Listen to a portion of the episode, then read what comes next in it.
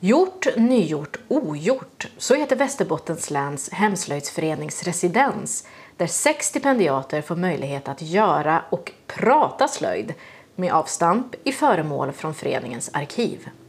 Agnes Weppling är inredningsarkitekten och möbelformgivaren som vill förstå sig på den tovade ullens möjligheter.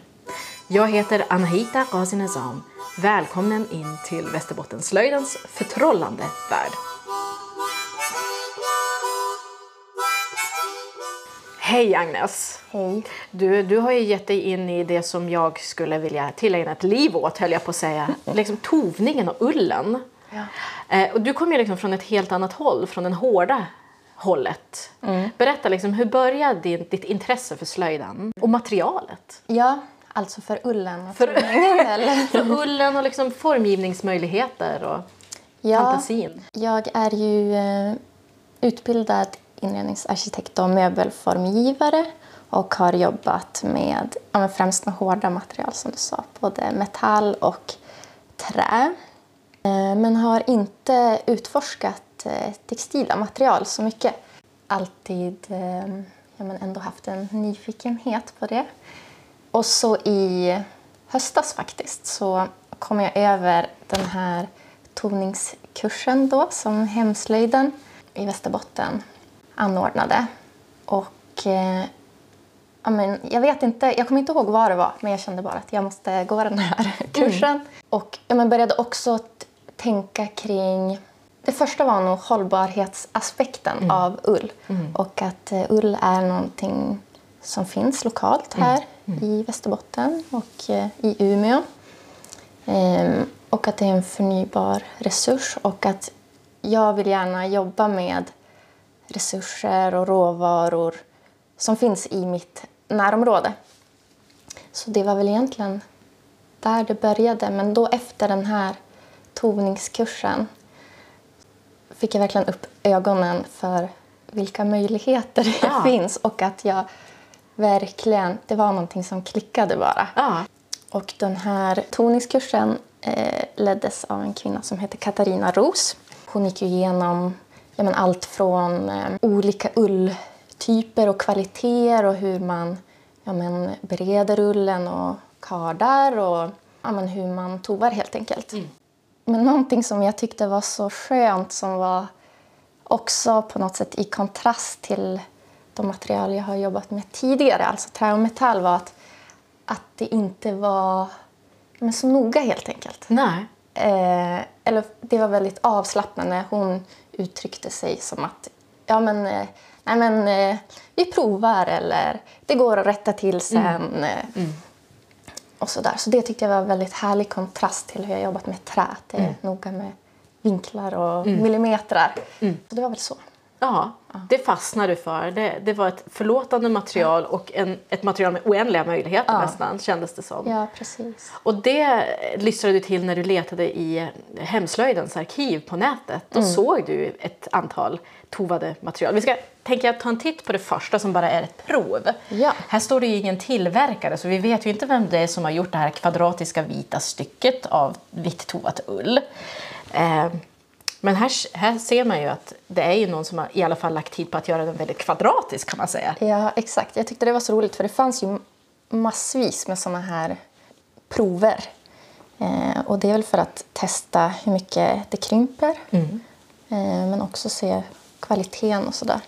Och hur, just den här ullen beter sig kanske också. Exakt. Ja, för det fattar man ju inte när man är liksom en ny tovare att det krävs ju en mix av olika typer av ull eh, och man måste få det rätt för rätt ändamål. Exakt. Ja. ja, så det har ju också varit någonting som jag har utforskat under det här residenset. Då. Både läst mig till men också gjort studiebesök.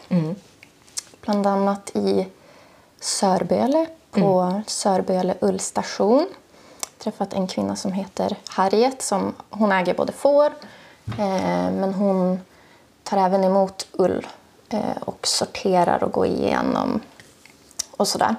Eh, så jag har fått vara med henne några förmiddagar och ja, hon har berättat om olika ullsorter och som du säger vad som lämpar sig för vad. Och eh, ja, men helt enkelt se den här råvaran och känna och det har ju varit, det har varit helt annat än att läsa om olika ullkvaliteter och sådär. Och så bara beställa hem ett paket som kommer liksom med posten. Ja, men och sen precis. har man materialet. Ja, och vet inte riktigt vad, vad som kommer hända Nej. mer eller hur det kommer te sig. Ja, så det har varit jättelärorikt att få Vad fick du se där i Sörby? Alltså, vad, vad finns där? Ja, eh, dels så har hon ju en gårdsbutik. Hon tovar även en del själv. Eh, och sen så har hon varit inblandad i ett projekt i Västerbotten och Norrbotten som heter Ull ihop. Och det är ett initiativ för att ja, men samla fårägare och människor som är intresserade av ull och får. Belysa och eh, ja, men sprida kunskap om det helt enkelt. Så hon har ehm, dels då möjlighet att ehm, sortera som sagt men hon har köpt in ett stort kardverk för att kunna karda liksom, större partier ull. Eh, och sen har hon även som man kan hyra in sig på en tovningsmaskin. Eh, så det Alltså någon sorts stamp? Nej? Nej, det är, eh, det är två gummiplattor som man klämmer ullen emellan och sen så den övre liksom gnuggar eh, mot ullen och botten. Jag fick se när hon provade den men jag Ja. har inte använt mig av den ännu. Men jag tycker det är fantastiskt att den möjligheten finns just för att kunna tova större objekt eh, och så. För vi pratade lite grann om det här innan vi började spela in intervjun. Alltså, vi, har ju, vi som är nya tovare, och nu har du ju hållit på tack och lov ett tag. Jag förstår inte den kraften, den människokraften som måste gå in i att få ett hållbart stycke tovad ull. Man måste gnugga, gnugga, gnugga och använda liksom musklerna så mycket. Ja, precis. Eh, och det hade väl inte jag riktigt insett heller. Eller under då den här första eh, kursen som jag gick då i höstas. Så ja, men då, då insåg jag det. Men då gjorde vi lite mindre föremål. Men nu har jag jobbat upp i större skala. Det är ju svettigt. Det, är väldigt svettigt. Och till exempel, vi, vi ska ta en titt på nästa objekt som du har valt ut ur Hemslöjdens arkiv. Och det är alltså väldigt fast när man känner efter. Det är vita handskar med svarta de- dekorativa eh, små, eh, vad ska man säga, cirklar och eh, små maskliknande Mm, eh, precis. former. När man känner på de här vantarna, Agnes, så är de så oerhört styva och så oerhört välgnuggade. Ja. Så det här är en människa som verkligen visste vad hon höll på med, Britt-Marie. Ja, ja hon har nog jobbat eh, väldigt hårt med de här. Eh, och hon har ju också gjort en soffa faktiskt i liknande... eller Jag tror att det ser exakt ut som det här. Att det är en vit botten med eh, svarta prickar på. Och då berättade hon att, eh, eller jag har kommit över då en text där hon berättar att eftersom att det ska användas till möb- en möbel så måste eh, ullet to- tovas till liksom sin yttersta gräns eller vad man ska säga, att det ska bli helt styvt. Och hon har faktiskt skickat textilprover av den här då tovade ullen till, ja, i Borås finns det ett textilinstitut tror jag, där de testar hur mycket Nötning. nötning, ja precis, eh, textilet tål. Eh, så då, ja, men efter att de hade gjort 3000 så såg man att det har uppstått en viss noppbildning. Eh, men sen efter 10 000 nötningar så har inte ja, den tovade ullen i princip förändrats mer alls. Och det är ju fascinerande med tanke på, alltså alla som har klätt, upp sin, klätt om sin kökssoffa vet ju att det gäller ju att välja rätt tyg för annars måste man göra om det efter en månad. Ja, exakt. Så det tyckte jag var jätteinspirerande att höra och det uppmanade mig liksom att fortsätta också. Att, ja, men dels att det här har faktiskt potential, den här tekniken, att använda som ett möbeltyg och att det är tåligt. Men också komma ihåg att måste, jag måste tova hårt Ja, och mycket precis. och länge. För traditionellt så kan jag inte påminna mig att jag har sett någonting där en möbel som har en liksom tovad sittyta. Utan tovade saker har man liksom på händerna, på huvudet, på kroppen. Mm. Eh, och sen så sitter man kanske på en fäll Precis. eller på ty- vävda tyger. Ja, exakt. Ja. Ja, men jag undrar om det inte är det att det måste tovas så pass Så hårt. himla hårt. Ja. Det går. Det går. Om vi tittar på det tredje objektet som Ja. jag har valt så är det en fantastisk vit filthatt eh, som har ett litet rött brätte och så är det röda och orangea pärlor och, och ornamenterat, liksom broderat med något som ser ut som ullgarn runt omkring också. Och den här blev du också inspirerad av. Det är en kvinna som heter Ulla Böris Mattsson som har gjort den här hatten. Eh, Och det som jag fick upp ögonen för eh, när jag såg det här objektet var att det går att jobba så tredimensionellt med tovningsteknik. Och att om man jämför med säg ett vävt tyg så måste man kanske skarva flera bitar med sömmar för att ja, men, jobba mer tredimensionellt. Men med tovningen så går det faktiskt att skulptera ullen. Och så att man kan göra ett tredimensionellt objekt i ett stycke. Och, och där lystrar du till liksom, som möbelformgivare att tredimensionaliteten var möjlig. Så är det så du går, kommer gå vidare liksom, med dina idéer? För vi, jag ser att du har fantastiska prover med dig. Jag tar fram den första som ser ut som en underbart eh, krackelerad liten eh, stenstycke egentligen av tovad ull. Eh, som har en öppning där under förstås också. Hur har du skapat detta? Det är ehm, en botten av vit ull och så har jag tovat. Jag har lagt ett mellanlägg av faktiskt eh, liggunderlag som jag har skurit ut i den form jag vill ha. Och eh, börjat då tova ull runt.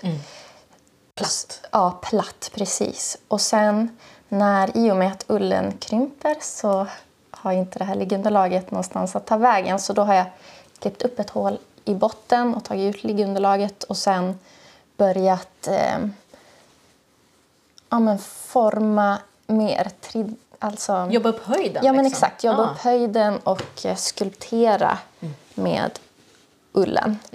Eh, och i den processen, ja, du sa ju att det ser ut som en sten. Ja. och då har jag faktiskt använt stenar också för att bearbeta ullen och, och få upp den här höjden och de här rundade kanterna. Så du för in liksom en stor sten och sen så börjar du gnugga runt kanterna Ja. för att liksom forma efter stenens böjning kan man säga. Precis, precis. Ja. Och den är ganska hårt tovad så du, du har ju gnuggat på liksom här. Ja. Ja. Ja. jag har ju tagit med mig då det hon har sagt.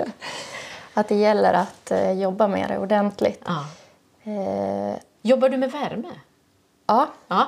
Till en början ljummet vatten Ja. men sen varm, alltså varmare och varmare vatten Ja. i och med under liksom tovningsprocessens Ja. gång och ja, under själva valkningsprocessen. Får den kylas ner emellanåt eller hur, hur, hur gör du liksom?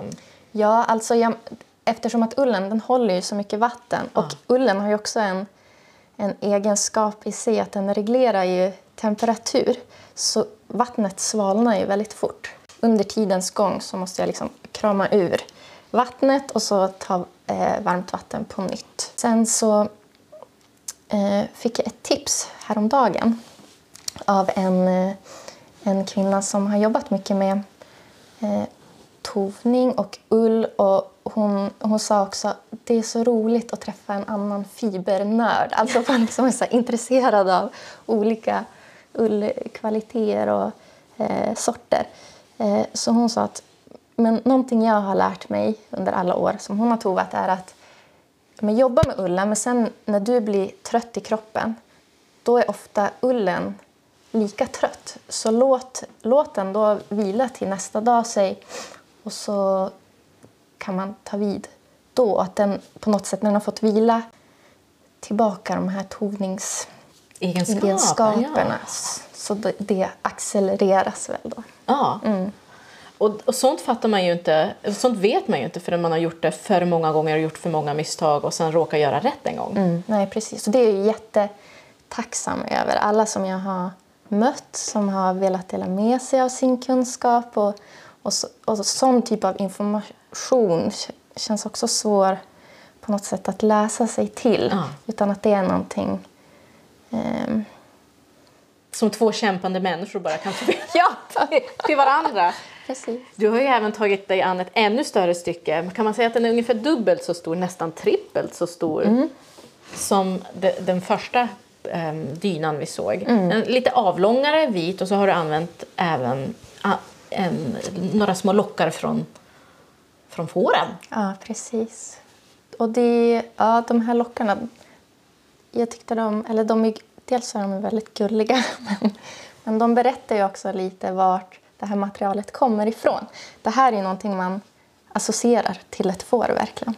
Så det, ja, det berättar ju en historia. Och hu- hur lång tid tar liksom den här dynan att göra? Den är ju kanske 60-65 gånger 30-35. Ja. Eh, ja, men säg... Jag höll på en dag, men sen ja, blev helt slut.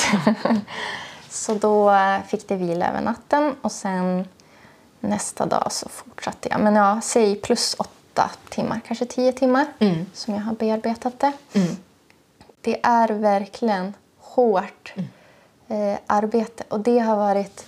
Eller det har gjort att jag har uppskattat eh, tekniken och även men, tovade objekt som jag har kommit över och gamla foton. Det finns ju på Västerbottens museet, de har ju ett arkiv också. Eh, det har kommit över foton på kvinnor som kardar och tovar och att det krävs liksom muskler för att hålla på med det här. Om inte annat så får man muskler. Ja. Det är väldigt sådär repetitivt att man gör en rörelse om och om och om och om, och om igen. Då hinner ju tankarna fladdra iväg också. Ja. Som, som mycket hantverk måste jag säga. Ja, precis. Och det har ju varit någonting som jag också har eller som har varit jättevärdefullt för min process. Att låta det ta tid och att ja, men tankarna eller att, att materialet som jag jobbar med, jag lär mig saker av det under tiden som jag jobbar med och jag hinner få nya idéer, ibland för mycket idéer. Ehm, men så det ska jag säga har varit en jätteviktig aspekt. Och jag tror att det ja, men ibland är hälsosamt att låta saker faktiskt ta tid och att man utvärderar det eh, under tidens gång och sådär.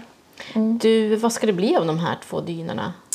Ja, tanken är att eh, de här ska bli sits, sitsar till pallar. Då ska jag göra ett underrede av trä till dem. Och det är ju fortfarande i eh, skissfasen av att eh, prova. Jag kommer ju säkert måste ju- justera ja, men kanske hur den här öppningen där jag ska stoppa ullen ser ut och sådär. Ja, jag har här i min skissbok om ni vill se Jättegärna. eh, några liksom lösa konceptidéer. Det är fint att du har en fysisk anteckningsbok måste jag säga. Att du inte är helt inkliven i den digitala världen. Nej, precis. Det är, det är roligt att blanda också. Att klippa och klistra gör Ja. jag mycket. Så, massa bilder. Jag vill att man ska se den här liksom, det tredimensionella som ullen möjliggör och toningstekniken. Så att man ser ja, hela volymen på något sätt. Så att det kommer vara ett eh, underrede i trä då, som håller upp den här tovade stenen eller vad man ska kalla det. Ehm, mm. Så den liksom tränger igenom där under också. Så att man får se den där under, under träramen Ja. också. Ja. Precis. Och kanske att, eh, eller det kommer nog måste krävas någonting där under som håller upp eh, själva dynan. ja. Så att den inte bara faller igenom. För här, här möter ju två olika ehm, material varandra. Träet och den tovade ytan. Vad sliter på vad? Liksom, oftast så är det åt ett håll. Men alltså, hur, hur tänker du kring det? Alltså, när, när det hårda möter det mjuka. Vad måste man tänka på lite grann? Ja, det kommer ju vara en process i sig och se hur det hur det utvecklar sig. Eh, men någonting som jag eh, som inredningsarkitekt och möbelformgivare, någonting som jag eh, om jag försöker tänka på mycket är taktilitet och hur saker känns. Mm. Och eh, ja, men hur kanter till exempel på hårda material ser ut. Är det en rundad kant eller är det en vass hård kant? Så i det här fallet så är det nog viktigt att, att det är liksom mjuka mm. kanter på mötet med ullen. Eh, Vilket träslag har du tänkt? Mm, ja, jag har jobbat mest i furu mm. tidigare. Men jag ska prova både furu och björk hade jag tänkt. Och det är ju också, ja, som jag nämnde tidigare, att jag gärna utgår ifrån material som finns i mitt närområde. Mm. Och trä är ju faktiskt en mm. råvara som det finns mycket av. Så det är tanken. Mm. mm. Så förhoppningsvis så blir det liksom en färdig sak som man kan sitta på. Eller tänker mm. du liksom mer konceptuellt att du test, gör, ett, gör liksom ett halvfärdigt test och sen så är vi försökskaniner, vi som kommer till utställningen. Nej, men tanken är att det ska bli ah. färdiga pallar. Mm. Eh, och om... Ja, men jag, jag, eh, ja, som sagt, jag har ju så mycket idéer på hur jag vill ta det här vidare. Men också som jag sa, att det tar mycket tid och ja. jag vill verkligen ge det tid för att pröva och se vad som faktiskt håller och vad som faktiskt fungerar. Vad väntar dig i processen härnäst nu fram tills då det, det, liksom det klara objektet? Vad, vad är det för moment som du tänker finns kvar? Ja, nu kommer jag börja göra um, tester i trä, alltså prototyper, mm. skala 1 till 1 på hur träet ska möta då, mm. eh, ullen. Så det är det som kommer härnäst. Um, men så ja, under tiden bara fortsätta göra fler såna här stenar och, ja. och, och i olika former och sådär. Ja, just för att varva det här, eh, det här eh, millimeter noga i träet med det här lite mer, ja men jag provar, jag ser, vi ser vad det blir med ullen och toningen.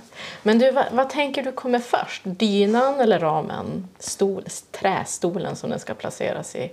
Vad måste följa vad, om du förstår vad jag menar? Ja, nu har det varit helt att, att eh, toningen står i centrum liksom. Och får helt eh, leda så jag ska väl börja... Eller ja, nu har det ju blivit så. Det bästa är ju kanske att eh, på något sätt jobba med dem parallellt och att de får möta varann under processens gång.